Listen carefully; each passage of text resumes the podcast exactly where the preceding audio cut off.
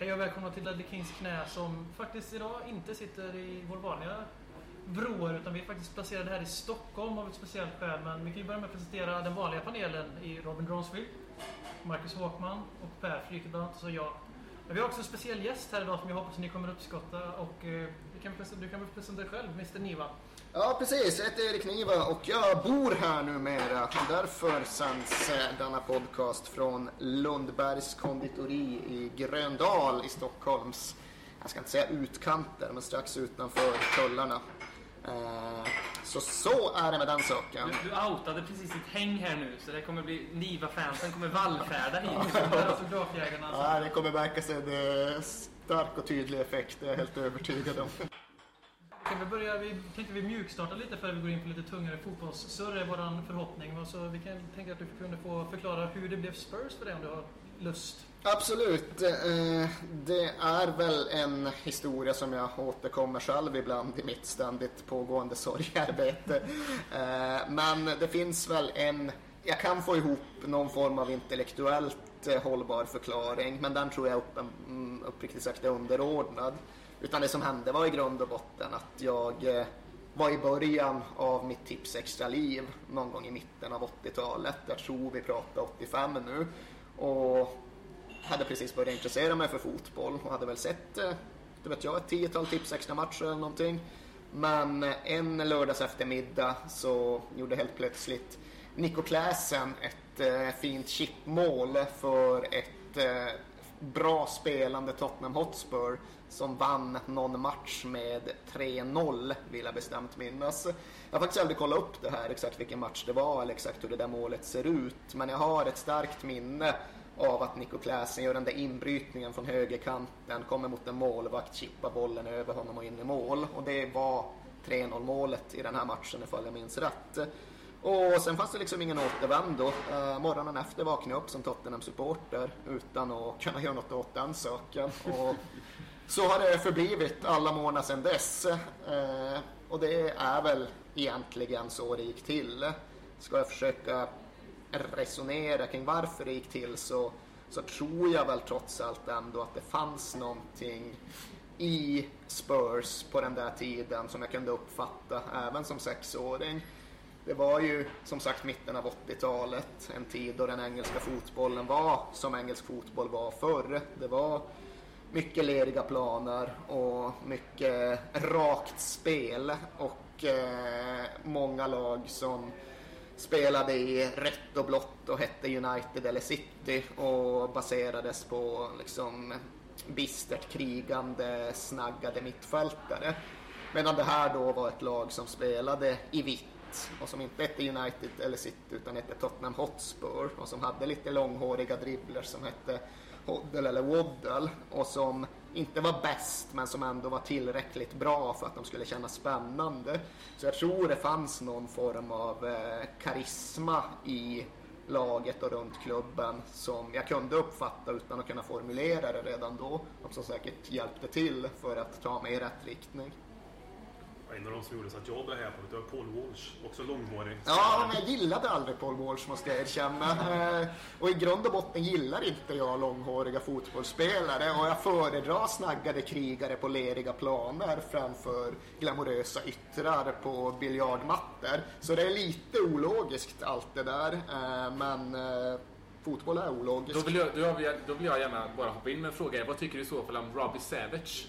Nej, han var aldrig min kille. Jag var ju på ligacupfinalen 99 då Tottenhams relation till Robbie Savage verkligen formades. Det var ju då han filmade ut Justin Edinburgh efter att han hade fått en liten lavett i håret. Och sen dess är det ju någonstans en Tottenham-supporters plikt att ogilla Robbie Savage. Och det Jag fortsätter jag med. Jag sållar mig tyvärr inte till den skaran. Du håller dig till det här, vi pratade om det i förra avsnittet eh, med långhåriga fotbollsspelare. Bill Nicholson var ju en av de första människorna att förbjuda hårfönar i, och, och uppmanade spelarna att klippa håret. Liksom. Ja, men jag älskar ju allt det där old school bootroom brittiska. Jag tyckte det var fantastiskt när det kom fram att Alex Ferguson hade förbjudit juniorspelarna i Man United att ha färgade fotbollsskor. Ja, Jag tycker det är helt fenomenalt. Och återigen, intellektuellt så vill ju jag ha den här eh, kortklippta, hårdkokta engelska fotbollen.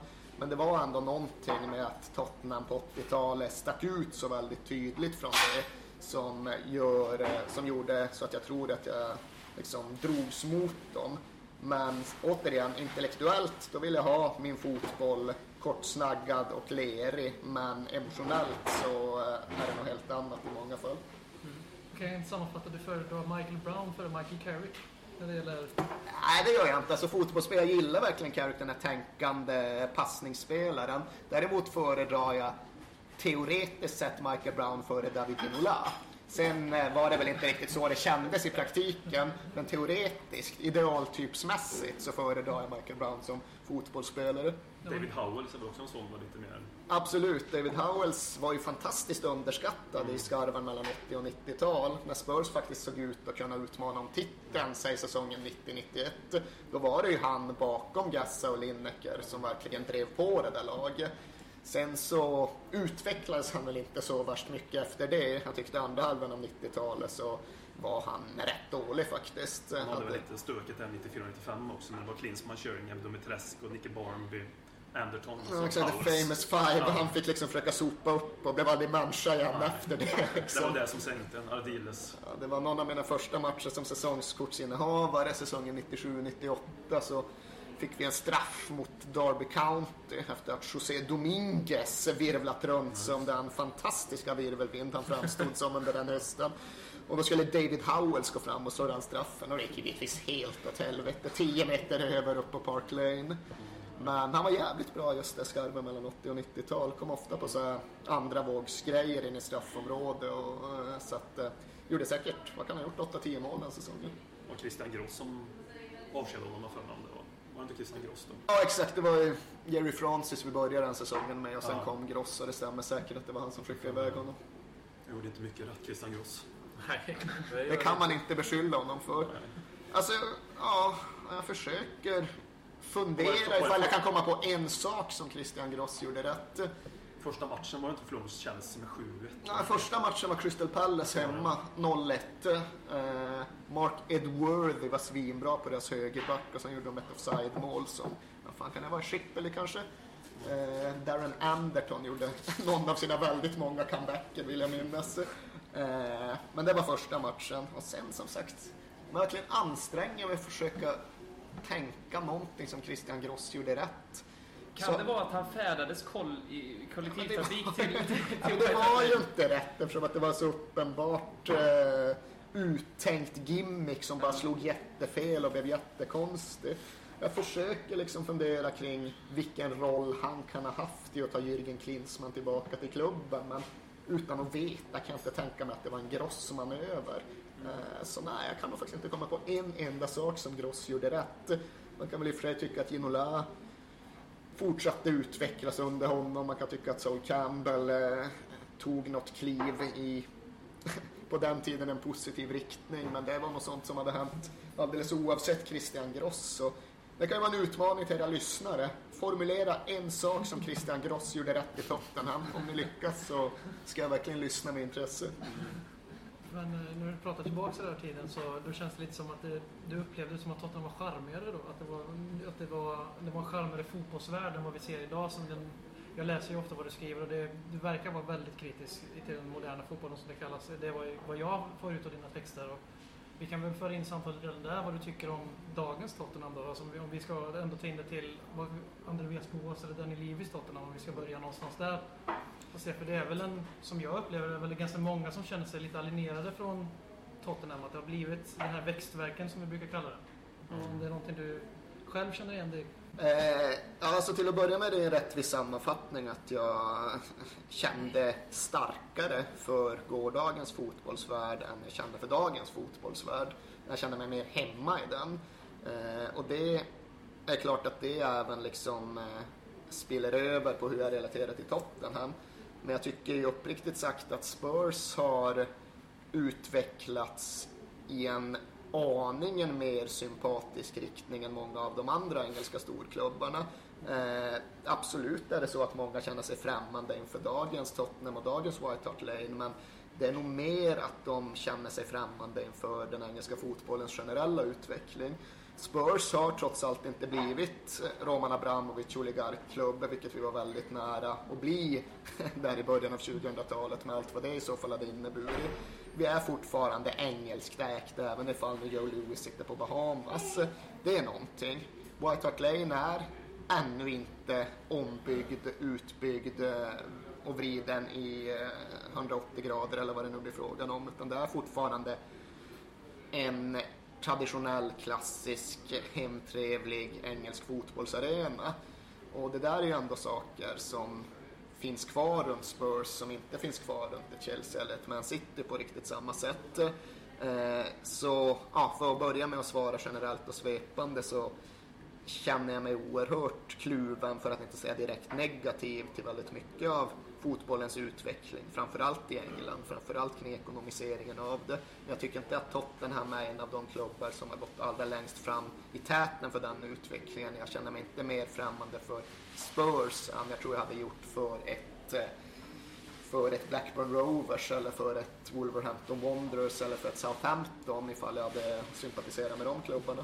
Känner du, för jag vet, jag läste någonstans att som det du skrev att Tottenham har format dig till en person som ofta ser glaset ganska halvtomt och att du blivit ganska cynisk. Känner du ibland att det blir någon distans mellan det som klubben ändå står för mycket idag? Att vi är ändå väldigt eh, ambitiösa och framåt. Så här. Känner du liksom någon distans mellan dig själv och klubben? Liksom? Ja, så att jag inte är så streamlinat Andreas Boas corporate sådär. Eh, lite grann, men även där så är det mer av fotbollen i stort som jag i så fall känner en distans gentemot snarare än Tottenham.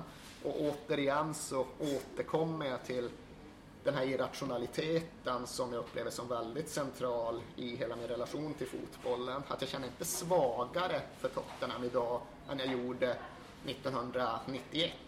Nästan tvärtom. Det är nästan så att jag liksom känner starkare för klubben.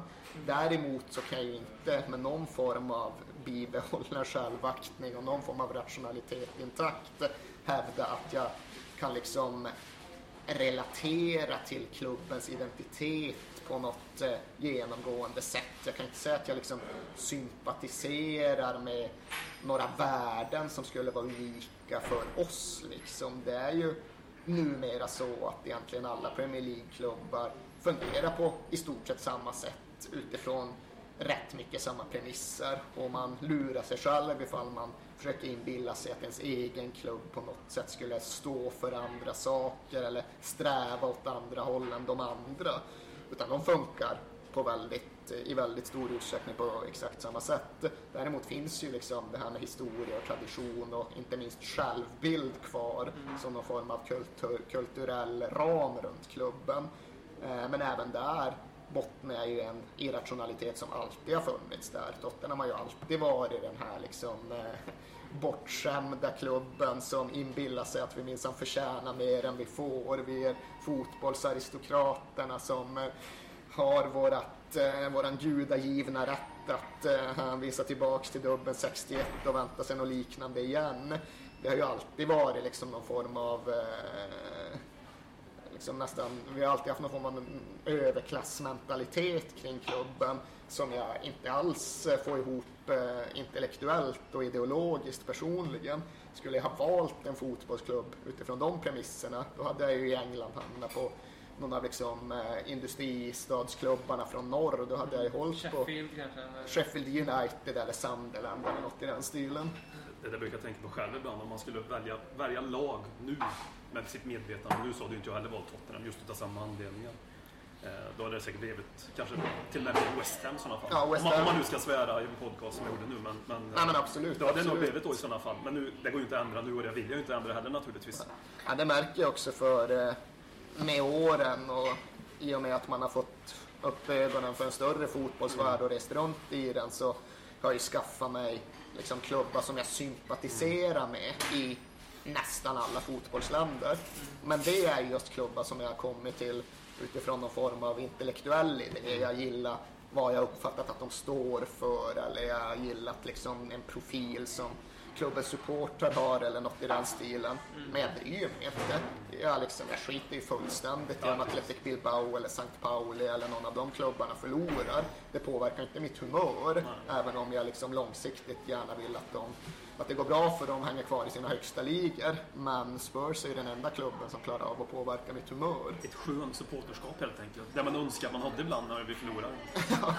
ja, men samtidigt... Manchester men- City borta 3-2 till exempel Ja. för några år sedan. Det Ja, men det är ju samtidigt ett meningslöst supporterskap. Ja, det är det. liksom. Det är inget supporterskap Ifall det ska vara liksom, känslomässigt avtrubbat så vet jag inte riktigt vad det är bra för. Det får man ingen finns... nytta av det heller. Nej, exakt. Då får man inte, då får man inte de fåtaliga höjderna bland alla dalar. Och det. Tror du att det är den vägen fotbollssupporterskap kommer gå? Att just när det blir att det blir väldigt tydligt, det finns med Livorno och sen så finns det de här eh, oligarkklubbarna som City, att man kommer, fler och fler kommer ja, men jag kan ha svårt att se att många vänstersympatisörer idag knyter sig till en klubb som City. Mm. Och att det blir där, i framtiden att det blir en mer politiskt laddad fotbollsvärld. Liksom. Jag tror egentligen inte det. Jag tror att det kommer vara en liten subkulturell grej, det där med den politiska laddningen. I och med, i synnerhet i och med att eh, allt fler klubbar blir allt mer ideologiskt urholkade. Som sagt, dagens elitklubbar, de har ju med några, några få undantag inga ideologiska utgångspunkter överhuvudtaget, utan det är ju det är vinstmaximerande underhållningsföretag i styrelserummet och det tror jag väl riskerar att få konsekvensen att supporternas band till sina klubbar generellt och på sikt kommer att bli svagare.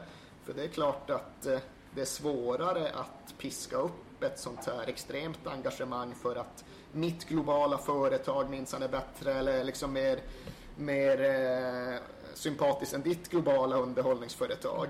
Liksom en gång i tiden så fanns ju den här regionala identiteten och förankringen på ett helt annat sätt än det kommer göra framöver. Och när det blir en fotbollsvärld som egentligen bara går ut på framgång, både på planen och i resultaträkningen, så kan man ju definitivt ställa sig frågan varför någon ska hålla på några andra än de allra mest framgångsrika klubbarna framöver.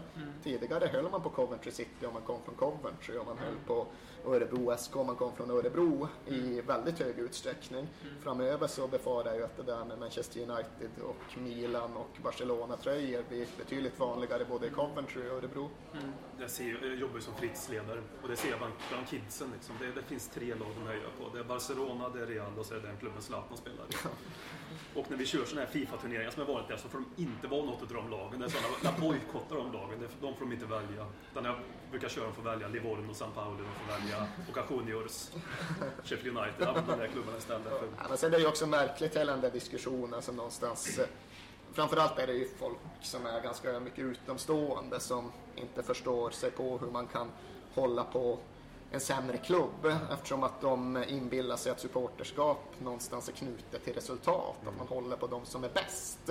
Och det tror jag riskerar att bli en en grej som blir ännu tydligare framöver. Det är klart att det alltid har funnits inslag av det. Vi pratade tidigare innan, eh, innan mikrofonen slogs på om hur vanligt det är med Liverpool-supportrar i vår Tipsextra-generation och det är klart att det har en relation till deras framgångar under 80-talet. Men jag upplever att det där blir ännu mycket mer tydligt nu och kommer bli ännu mer så framöver. Att om nu alla klubbar bara bryr sig om resultat, då finns väl definitivt risken att alla supportrar kommer börja bry sig om resultat i ännu högre utsträckning och till slut står man där med en fotbollsvärld där resultat är det enda som räknas och de största är de enda som i så fall har betydelse. för det är bara att se vad de har för inställning på Uefa-cupen nu. Den är ju inte heller prioriterad på något sätt längre.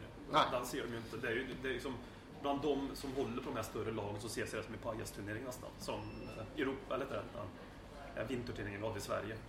Royal League, Ja, lite så det. ses den. Jag var tillbaka Ja, nej men visst är det ju så. Det är ju jävligt tråkigt för det är ju en fin och anrik förening, eller turnering. Ja, jag blev, tappade lite lusten när de bytte namn från Uefa-cupen. Men visst, eh, eh, jag är ju som Tottenham-supporter uppvuxen med att vi alltid prioriterar cuperna för det är en del av vår klubbidentitet. Och vi kanske inte har vunnit flest ligatitlar men vi hade ju under en ganska lång period vunnit flest FA-cuptitlar.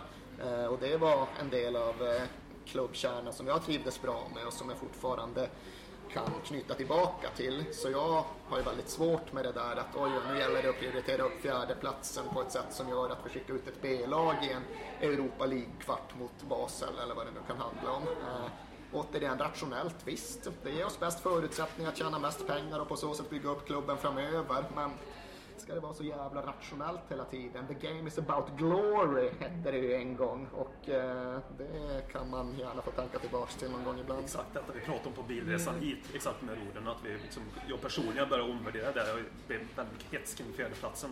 Och jag börjar tröttna på mitt eget tänkande sedan ett år tillbaka. Att vad fan, det är ju att vinna titlar som gäller också. Och kunna vinna en cuptitel. Och den här hetsen kring fjärdeplatsen, det leder ju ingenstans. Titta på Arsenal, de har ju åtta raka år utan titel. Nu går det ju bra tyvärr, men. Coming forth is as good as a title, eller hur det nu var Ja. Arsène Wenger formulerade saken. Undrar om man- Och, undrar om man säger så när de torskar ligatiteln i sista omgången i år.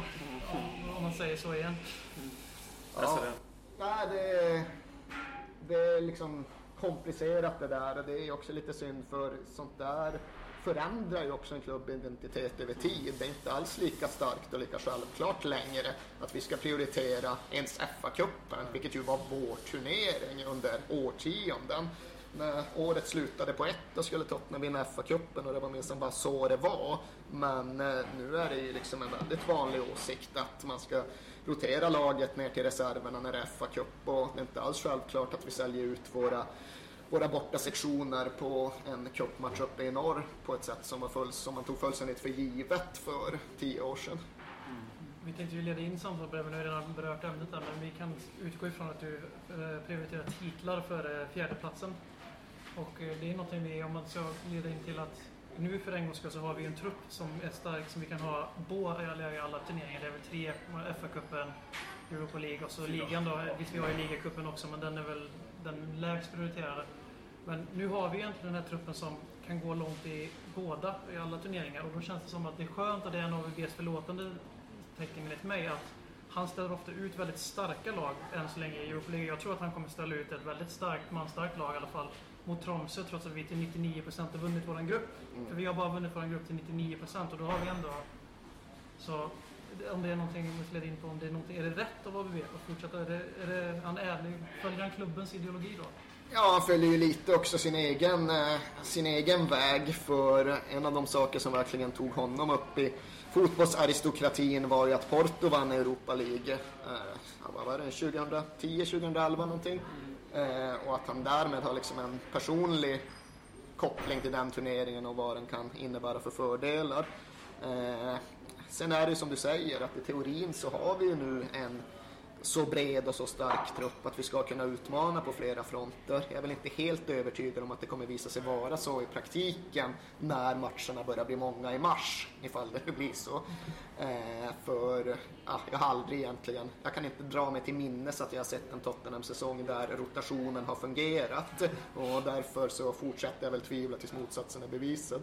Mm. För det vi har spekulerat i det att om eh, AVB skulle, vi säger vi skulle sluta sjua i ligan och så vinna Europa League så, är det, så tror inte jag att, jag tror det skulle vara en ganska stor andel av Tottenham Sport som skulle skrika på avgång då för att vi missar Champions League och bara blev sjua. Det tror jag också, numera. Men jag skulle inte tillhöra dem. En titel, en bra säsong och sen eh, struntar jag nästan i var vi kommer i ligan. Men eh, kruxet är ju att det inte bara supportrarna som använder din, eh, det resonemang du redogör för. Jag är ganska övertygad om att klubbhierarki med Daniel Levy etc. skulle värdera den där fjärdeplatsen högre än en ligacup eller en Europa League-titel. Så är det här lite också kanske ett resultat av den här ekonomiseringen av fotbollen, att det liksom inte längre är titlarna tack vare det? Absolut, absolut. Eftersom att titlarna ger inga pengar. I alla fall inte i jämförelse med Champions League-säsong som ger en satans massa pengar. Så det tror jag är egentligen den, inte den enda, men definitivt den huvudsakliga anledningen. Om bara sticker in här, till exempel Gareth Bale och andra spelare som har lämnat klubben och senare ganska högprofilstarka profilstarka spelare, Luka Modric, Bale, Berbatov. Då har det ofta varit, inte Berbatov kanske, men på Bale i alla fall, var det många som sa att hade vi gått till Champions League då hade han minsann stannat. Han har ju själv förnekat det. Ja, jo, det, Och jag tror att eh, jag tror inte att han ljuger i den frågan utan han eh, såg det som sin möjlighet att komma till Real Madrid.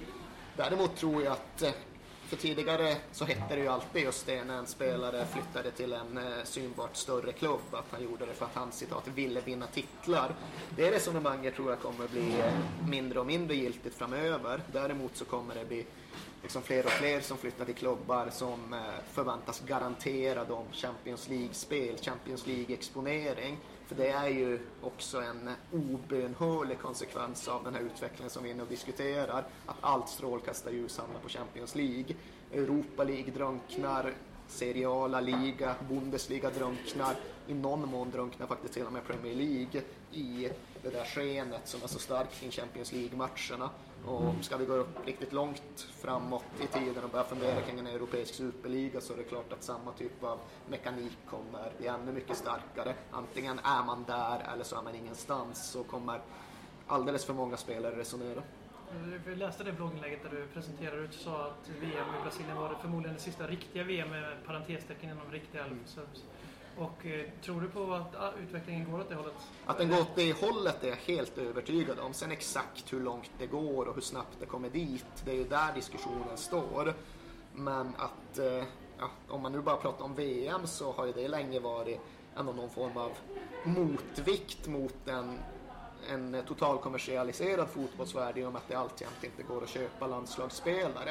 Eh, men det tror jag dessvärre kommer göra så att eh, intresset för och statusen kring landslagsturneringarna på sikt kommer minska i och med att eh, klubbarnas ekonomiska makt gör dem så oerhört starka att eh, de kommer i högre utsträckning börja blockera sina spelare från att delta framöver.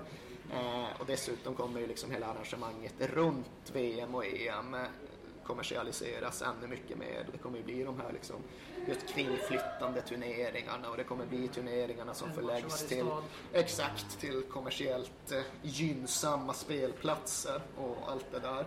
Så ja, den artikeln du hänvisar till var ju en artikel jag skrev just i relation till ett Sverige som skulle missa VM i Brasilien och frågan kring ja, vad som återstår på andra sidan.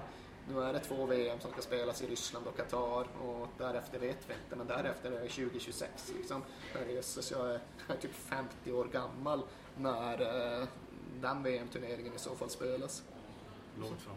Så även den där utvecklingen som du lyfter nu med en europeisk superliga, det är någonting jag kan mycket väl se framför mig att det kan bli möjligt. Vi ser det i hockey, det är en annan sport, men där ser vi ju snack om att svenska klubbar vill börja spela i ryska ligan för att det är där pengarna finns. Och vi ser även eh, surr om det här nu och liksom, vad- vad skulle, hur händer, vad, vad är det för fotboll då om vi har Galatasaray 16 vill väl ha det där. De är Alltså- väldigt heta på det där med Europa.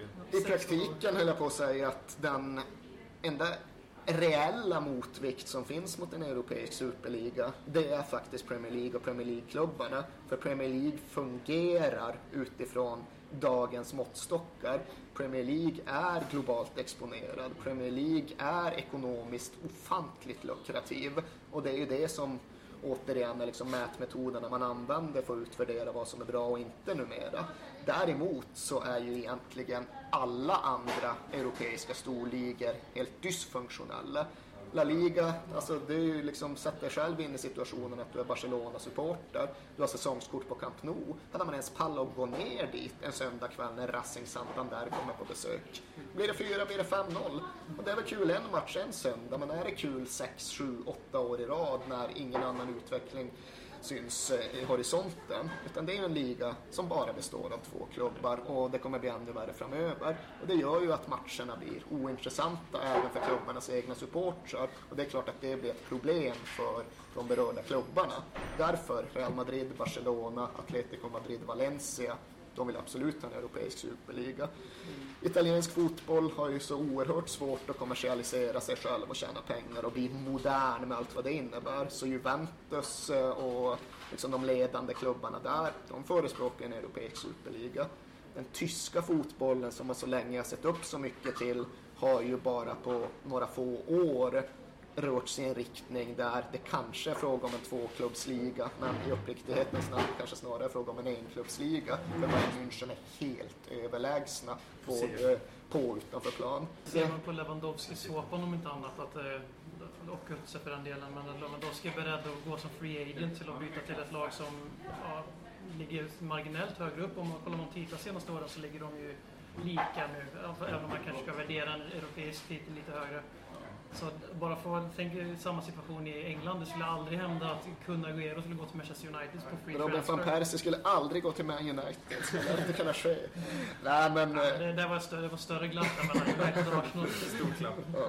Nej, men i alla fall att liksom hela grejen innebär ju att de här klubbarna, de här ligorna, de har väldigt svårt att generera lukrativa matcher att marknadsföra under en säsong. Utan de ser ju en framtid att ja, men om Bayern München inte får ut något av att möta Wolfsburg och om Real Madrid inte får ut något av att möta Levante, då är det väl mycket bättre att Bayern München möter Real Madrid istället och att Galatasaray och någon av Moskva-klubbarna kanske kan komma in och att givetvis PSG och Monaco är där.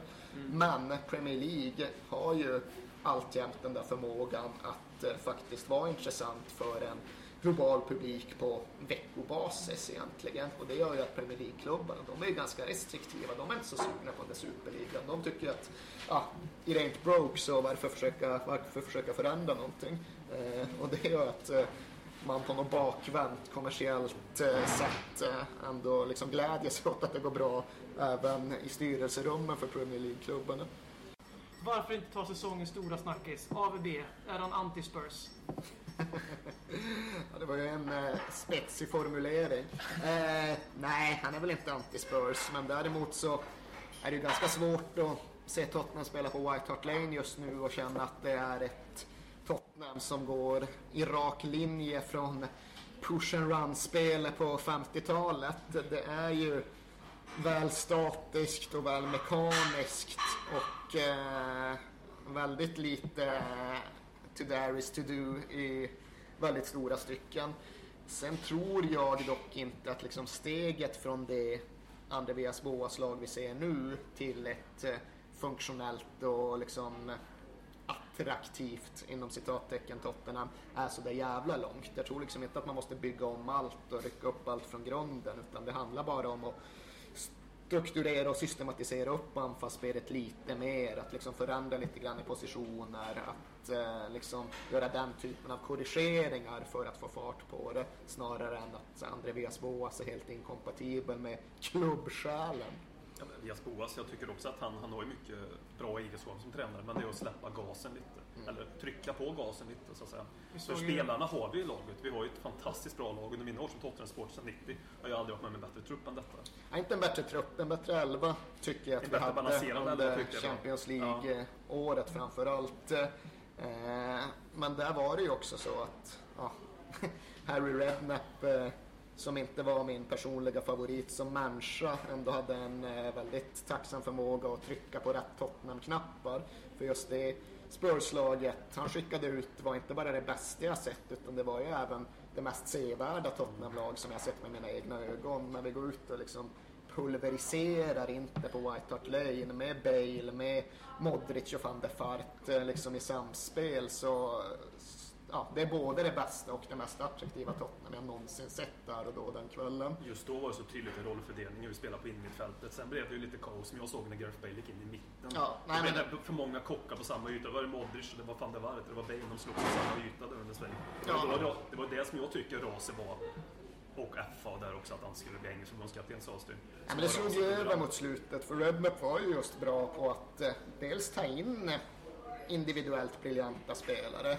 Modric var ju visserligen inte hans värvning så, men liksom eh, att van der Fart kom in, eh, för vi har sjungit om många spelare som ska vara born to play for Spurs, men det är frågan om jag någonsin har sett en spelare som passade in så bra i den identitet vi vill eh, ge oss själva som Rafael van der Fart. Liksom tjock, lat, ointresserad av det defensiva, men helt fenomenalt begåvad med bollen. Den bästa vänsterfot som överhuvudtaget uppfunnits och just den här holländska kreativiteten som som eh, ryser av vällust bara av att tänka inför. Eh, dessutom kommer han ju från Ajax, vår br- gamla brödraklubb.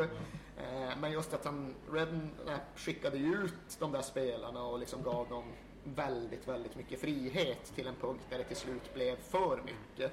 Jag minns framförallt Arsenal-derbyt borta under hans sista vår då vi i praktiken hade, hade väl fyra mittfältare som hade fria roller. Bale fick givetvis göra vad han ville, Modric fick göra vad han ville, Lennon var väl med och fick göra vad han ville. Kommer inte ihåg om det var van der Fart eller vem som var den sista mittfältaren.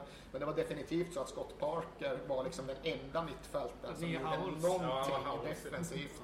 Ja, det var, men det var just Famous Five och så Parker som var helt oförmögen att staga upp det där. Zaha måste jag spela, just det, som spelade med Mm, två, ja, ja. två anfallare och sen var det väl var det väl Modric, Lennon, Bale då. Eh, men, Ja, Adebayor var med. ja exakt, båda de gjorde ju mål.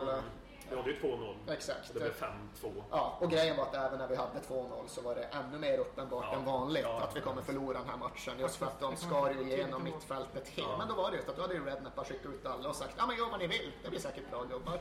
Och till slut slog ju det över. Till slut blev även det Spursiga för mycket Spurs. För det jag ser när jag ser AVB är att vi får inte den där blixtrande fotbolls, fotbollen vi hade under Rednap men vi, samtidigt känns det som att vi växer utanför planen. Att vi, får, vi tar hit ganska stora värvningar. Jag vet inte om det har så mycket med just AVB att göra men en del av de här värvningarna har ju verkligen gått ut och sagt att det är han som har plockat hit dem. Och vi har sett direkta förändringar på typiska Spurs-problem att släppa in mål i slutet. Att man verkligen gjorde en helomvändning efter Everton i fjol. Och vi ser att vi blir lite mer pragmatiska, lite mer cyniska i vårt sätt att spela och vi vinner en del matcher men i år har ju offensiven verkligen gått i baklås. Men kan det vara så att man behöver spela lite mer åt den här cyniska fotbollen för att bli ett mästarlag? För jag tror att AVB vill ju ha som ett mästarlag medan Red Up vill nog ha champagnefotboll Spurs för att det, det är hans filosofi, vill, jag ha det till i alla fall. Och att jag tycker mig se att de flesta lagen spelar ju ändå på det här sättet som AVB försöker spela på. Det absolut inte lyckas spela på men... Nej, men största. eh, det är ju absolut så att eh, alla, alla toppkandidater i England har anpassat sig efter någon form av mer realistisk fotbollssyn. Liksom. Det är ju inte så att eh, det finns några topplag, vare sig de är Spurs eller Man United under Moyes eller Everton under Martinez eller vilka man nu än kan komma att tänka på, som bara går ut och kör på eh, det sättet. Och det kan jag tycka är lite sorgligt utifrån liksom någon form av större synsätt där man just vill ha en engelsk liga som är eh, som spelas med öppna spjäll och full fart och det högsta tempot som finns i fotbolls Europa. Den fotbollen finns väl snarare i Tyskland än i England numera, tyvärr. Ja, säsongens andra stora samtalsämne, eller smältdegel som vi kallar det här, eh, är ju ordet jidordet då, som vi använder i Tottenham, JID Army och så vidare. Och eh, vi har ju redan haft ett avsnitt där vi diskuterar vad vi tycker är rätt och fel och inte, vad, alltså, hur det ska användas, om det ska användas. Och vi tänkte när vi ändå har en så stor Spurs-profil här på plats så tänkte jag att du kanske skulle få väga in. Härligt. Eh, alltså det är klart, det är ingen okomplicerad diskussion, det vore ju dumt att påstå. Men för mig handlar både den här och många liknande diskussioner någonstans om var problemformuleringen ligger. Eh, jag skulle ju aldrig liksom hävda min egen rätt att använda ordet svarting eftersom att det inte är upp till mig att avgöra ifall det är lämpligt eller inte. Det är de som utsätts för det som eh, har rätten att bedöma lämpligheten i det.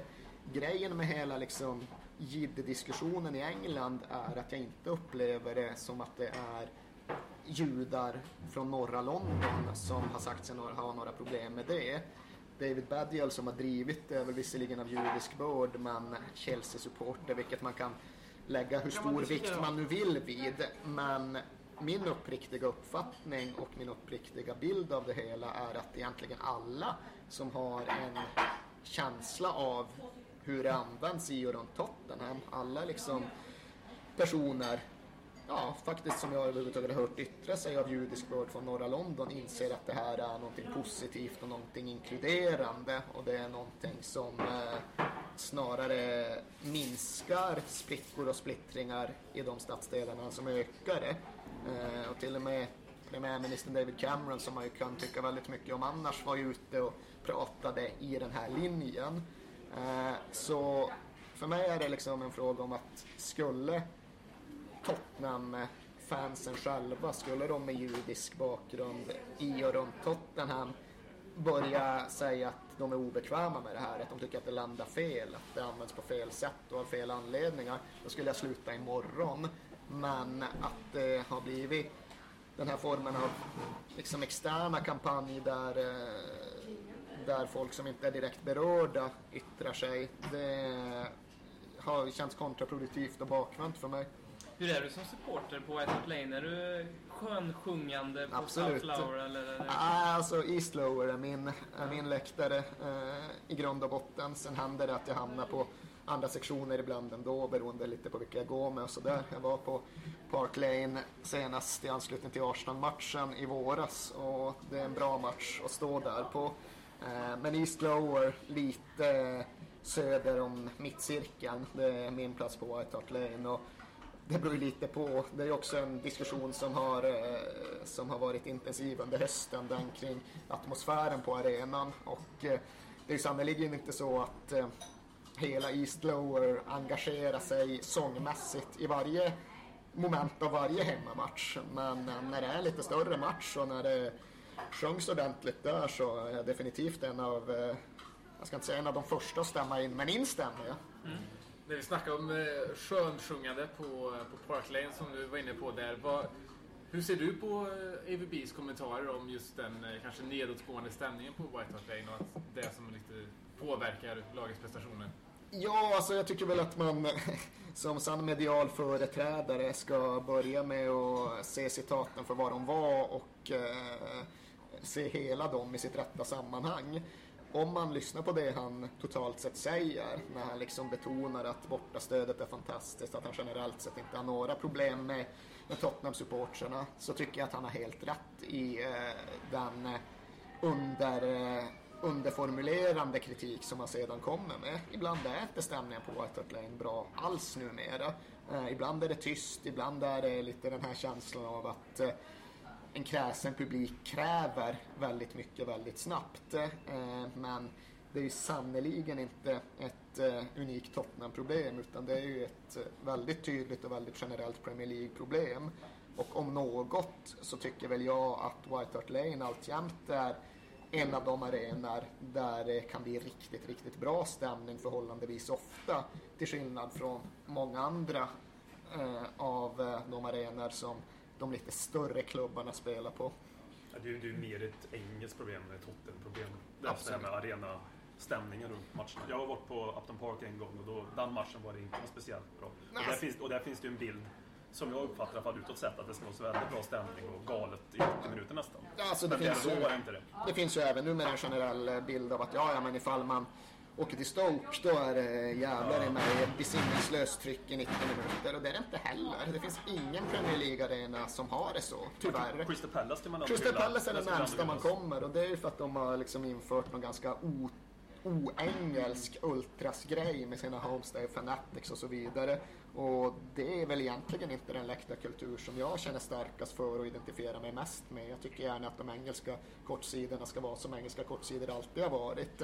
Men samtidigt föredrar jag definitivt den grejen framför den här apatiska tystnaden som eh, tyvärr har lagt sig över så stora delar av så många matcher på Premier League-arenorna. Man får ju hoppas på det här med safe standing, att det ska börja bli någonting. Jag, jag tror ju inte att det kommer bli någonting personligen, men man kan ju hoppas att det... Ja, men jag har ju just gått till den punkten att från att ha varit väldigt eh, traditionalistiskt och just tyckt att eh, ja, men läktarna ska funka så som de alltid har funkat så välkomnar egentligen alla sorters Ja. förändring. Ultrasgrupper, absolut. Singing sections, bring them on. Som det ser Safe ut nu, standing, liksom. helt klart. Ja, nej, men just jag tror att i stort sett så skulle all förändring och all förbättring eller i stort sett all förändring vara förbättring för ja, så mycket sämre stämning än det är just nu på Premier League-arenorna. Det tror jag inte det kommer bli.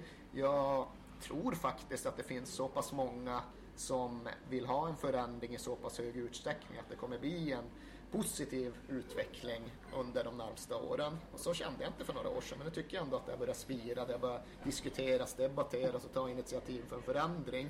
Och när man pratar om just vrångbilder och förenklingar så är det ju även här så att analysen ofta släpar efter lite grann. För nu refereras det ofta till de engelska arenorna som har blivit helt steriliserade och där finns minsann ingen arbetarklass längre kvar utan nu är det bara The Prawn Sandwich Brigade som finns där. Eh, det är ju återigen en väldigt förenklad analys som helt enkelt inte är giltig även om den hade sin poäng när den först kom. För visst har Premier League-läktarna förändrats och kanske framförallt föråldrats men det är ju alltjämt så att de allra flesta som går på de där matcherna tillhör den traditionella engelska fotbollspubliken. De har inte ersatts av räkmacksätare och japanska turister. Visst, det finns sådana inslag också. De är fler och större på de stora arenorna. Men den generella Premier League-åskådaren, det är ju samma snubbe som stod där även när ståplatserna fanns 1988. Det är sådana som önskar att stämningen vore bättre och därför tror jag väl någonstans att när nu motståndet har börjat organisera sig i lite högre utsträckning så kommer det bli en positiv förändring. Det finns ju en brittisk podcast, The Fighting Cock, som har gjort en 1882-rörelse 1882, ja. som var på det, Europa Europa League-matcherna, Ja, lite ja, ligacup-matcher och sånt där. Och Ungdomsmatcher, så ja, med dojorna, prylarna och allt det där. Ja. Ja, Så det är ju det är ett initiativ just det vi pratar om, att det, liksom, det växer och knakar lite Ja, grann. det bubblar ju Ja. faktiskt i ganska många engelska klubbar. Vi såg just Man United var väl de första som lanserade den här The Singing Section Ja, of the. Champions League och det är lätt att raljera över det men samtidigt, jag tror de hade 1500 platser till den sektionen den matchen. Det hade de fått loss av klubben och de fick 67 000 ansökningar. Så det visar ju ändå att det finns en vilja att ha den typen av eh, läktare också. Ifall Man United ställer dit en kortsida med 7000 sjungande så kommer det låta rejält på Old Trafford. Då kommer det kunna mäta sig med vilken annan europeisk arena som helst. Och jag tror att får de till den typen av lösning så kommer det bara fortsätta växa och växa eftersom att fler och fler blir inspirerade och engagerade. Och jag såg nu att Arsenal hade någon officiell undersökning bara häromdagen där 90% av de tillfrågade, som jag då förutsätter är liksom Emirates-publiken, sade sig vara missnöjda med stämningen och ville ha en förändring. Så det är ju liksom, det är inte så att det är några få enstaka isolerade stackare som önskar att det ska låta mer och att det ska liksom bli mer sjungande läktare utan i stort sett vill ju alla det. Och det gör Så, så fanns det en svensk syn att man ville titta på den engelska modellen för några år sedan i alla fall och värma dem. Jo, men den svenska synen kom ju oftast fram i den så kallade huligandebatten där det var illa insatta politiska utredare som hade siktat in sig på egentligen det som var dåligt med det. Nu raljerar jag i och för sig jag och nu förenklar jag för det är klart att det finns något positivt med att huliganismen har flyttats från arenorna men det kändes ju ofta som att det var just den här steriliserade och sanitiserade polisstatsarenan som de i så fall var ute efter och det är inte riktigt det som är grejen utifrån en fotbollssupporters perspektiv. Vad är den största skillnaden du som hade säsongskort? 97-98 var det så? Ja, det var första jag hade två säsonger. Det var första säsongen. Så jag hade en säsongsklapp och kom tillbaka. Ah, nej, just det. 97, 98, 98, 99. Ja. Vad är den största skillnaden på White Hart Lane? Sen dess liksom stämningsmässigt, är det stor skillnad? Jag höll på att säga att vi har en kort sida igen. Grejen är att det här var ju under i alla fall den första säsongen en tid då vi fortfarande anpassade White Hart Lane efter de nya Premier League-direktiven efter det att vi skulle ha all-seater-arenor. Så hela hösten 97 hade vi ju inte ingen kortsida på norra sidan. Hela Paxton-läktaren var under ombyggnad så vi hade en trekvartsarena och jag tror att maxkapaciteten, jag tror vi hade 26 000 på hemmaderbyt mot Arsenal. Eh, och själva stämningen var inte markant bättre än den var idag. Det kan jag inte påstå generellt sett. Den förändringen, brytpunkten, den kom ju just i anslutning till Premier League-lanseringen och till ståplatsernas frånfälle i början av 90-talet. Jag hann gå några gånger när vi hade gamla Shelfside, alltså ståplatsen på Östra på White Hart Lane. Om man ska jämföra det med det så är det en helt annan grej. Det går liksom inte att säga någonting om. Det var ett helt annat tryck då. Men det är just i skarven mellan 80 och 90-tal. Om man tar sig från 95 och framåt så då upplever jag ingen extremt stor skillnad vad gäller stämningen så.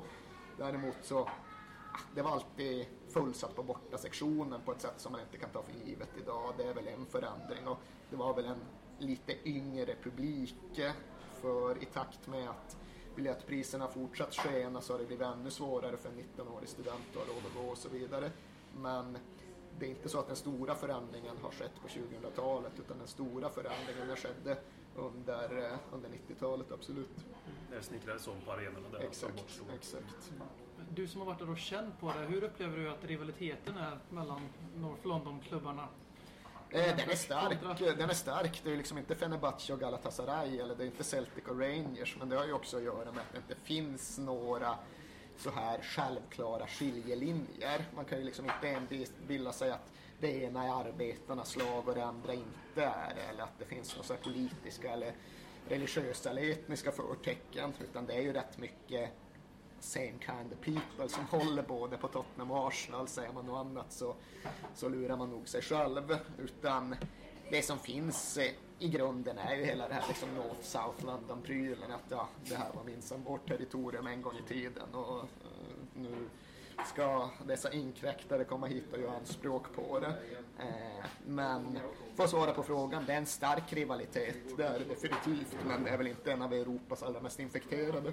Det är hatkärlek snarare än rent och skärt hat som man kan se mellan vissa lag. Som, då, då är det ju hat. Ja, alltså jag tror i och för sig att hatkärlek är nog ett ord som nästan ingen skulle använda Nej, eftersom att de inte kan sympatisera med kärleksbiten av det. Men det är ju liksom inte det här, det är inte det här Blodiga upplopp. Exakt, exakt. Folk dör ju inte på, på derbyn i norra London längre. Det hände väl att de gjorde det på 70 och 80-talen men då hade det ju egentligen bara med huliganism att göra snarare än just några andra sorters undertoner. anknyter till våra egna rötter här i Sverige. Det är många som anser att man får inte tycka illa om Arsenal och Chelsea och så vidare. På samma sätt som de gör i norra London och England för att man inte har någon lokal förankring. Och du har ju både varit i norra London och haft lokal förankring och bor i Sverige nu. Anser du att det, är det någonting du håller med om? Att om man är svensk supporter så ska man inte hata Arsenal för att man har ingen, man har ingen geografisk anledning att hata dem? Alltså jag förstår åsikten att man eh, ska stötta sin lokala fotbollsklubb i första hand och jag sympatiserar intellektuellt med den. Eh, I mitt eget fall så var det ju så att ja, jag hade ingen lokal klubb. När jag växte upp var den närmsta allsvenska arenan 130 mil bort och det visades ingen svensk fotboll på TV. Så när jag var 13 och började åka till Stockholm kanske jag hade sett AIK fyra gånger i mitt liv, men jag hade sett Tottenham 40 gånger i mitt liv. Så på så sätt kan jag ju liksom få ihop det resonemanget och eh, liksom få det att funka rent rationellt.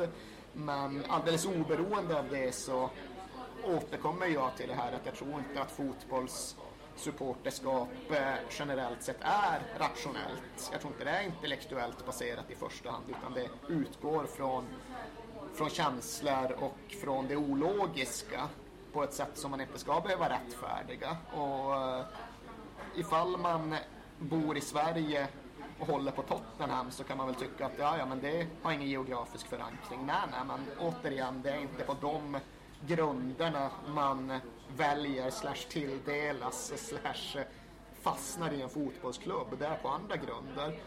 avrunda lite med lite lättsammare frågor kanske om det är någon som har något. Så jag, jag vill gärna fråga hur det är att sitta i Viasat-studion och titta på Tottenham för jag kan bara... Jag, jag har sett på matcher med Arsenal-supportrar och det hände en gång sen så var det slut på att kolla på match med någon som är på Arsenal. Hur kändes det då, när vi, specifikt Arsenal, när vi vände den klassiska matchen? Aha. Så det är nu fast vad är det, två år sedan, två eller tre år sedan bara. 2-0 till 3-2 i halvtid, 2-0 i halvtid. Jag satt med en kompis då, bara inte för att ta spotlight, men då satt med en kompis. Hade inte han suttit, jag hade stängt av tvn tror jag.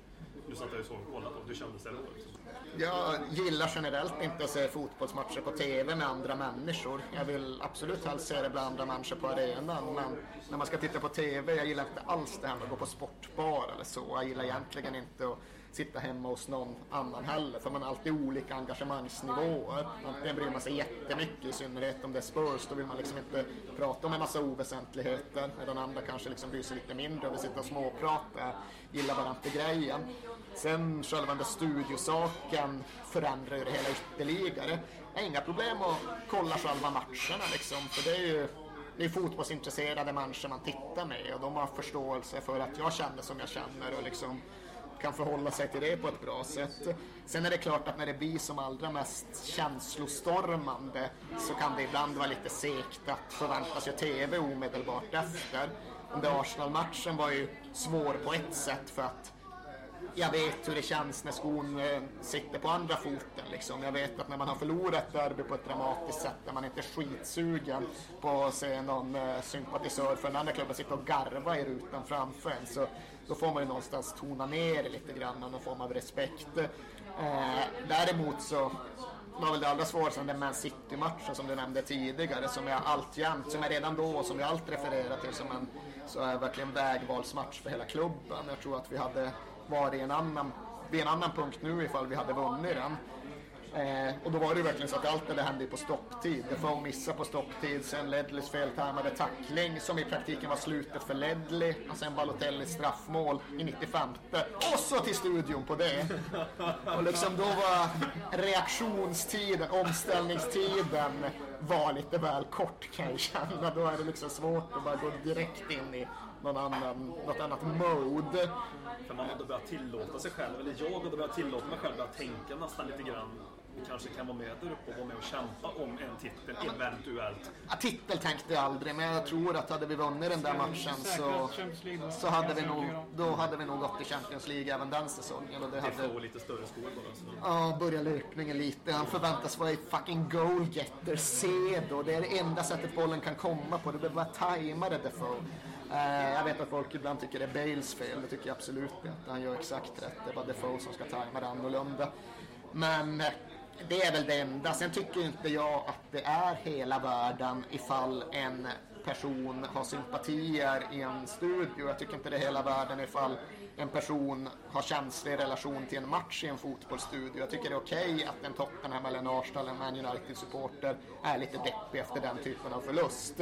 Eh, jag accepterar däremot att det kanske inte är just någon poäng att eh, att triumfera och liksom verka överglad vid en seger, det är mycket mer provocerande, både för mig och för många andra. Och jag har dessutom faktiskt slutat säga vi om Tottenham i TV, vilket är ett medvetet beslut bara för att ja, folk... Det är starkt. Det är starkt. Det är automatiskt när jag pratar om Tottenham att det blir vi. Ja, nej, men jag säger vi till vardags. I dagligt tal säger jag vi jag gjorde det från början, men jag kände att det liksom det kom ut på ett konstigt sätt. Så där har jag faktiskt gjort ett medvetet val och liksom sluta använda det. Men det är bara just gentemot att det kan vara lite väl provocerande mot, eh, mot tittare med andra sympatier. Jag har en liten eh, svår fråga kanske och lite mer okonventionell mot det vi Jag vet ju din punkbakgrund liksom. Om Tottenham vore ett punkband, vilket punkband i historien skulle vi vara då? Eh, vi skulle ju vara något av jag höll på att säga Sex Pistols, men eh, alltså det jag är ute efter när jag säger det är att vi skulle ju vara ett punkband med en sorts yta eh, som... Eh, jag ska inte säga att vi inte hade kunnat bära upp den, men det var ju liksom Sex Pistols skulle framstå som de här oerhört nihilistiska och destruktiva anarkisterna medan i själva verket var flera av dem väldigt välanpassade medelklassunga från konstskolan. Det är den grejen, det är den saken jag är ute efter i det jag pratar om eh, Tottenham som punkband i och med att vi just har den där, eh, den där auran som ibland eh, kan vara lite mer aristokratisk än eh, man intellektuellt sett skulle önska. Mm. Och med de orden så tackar vi herr Nea för hans deltagande i Lenny Kings knä tycker jag. Tack så jättemycket. Tack själva. Tack själva. tack.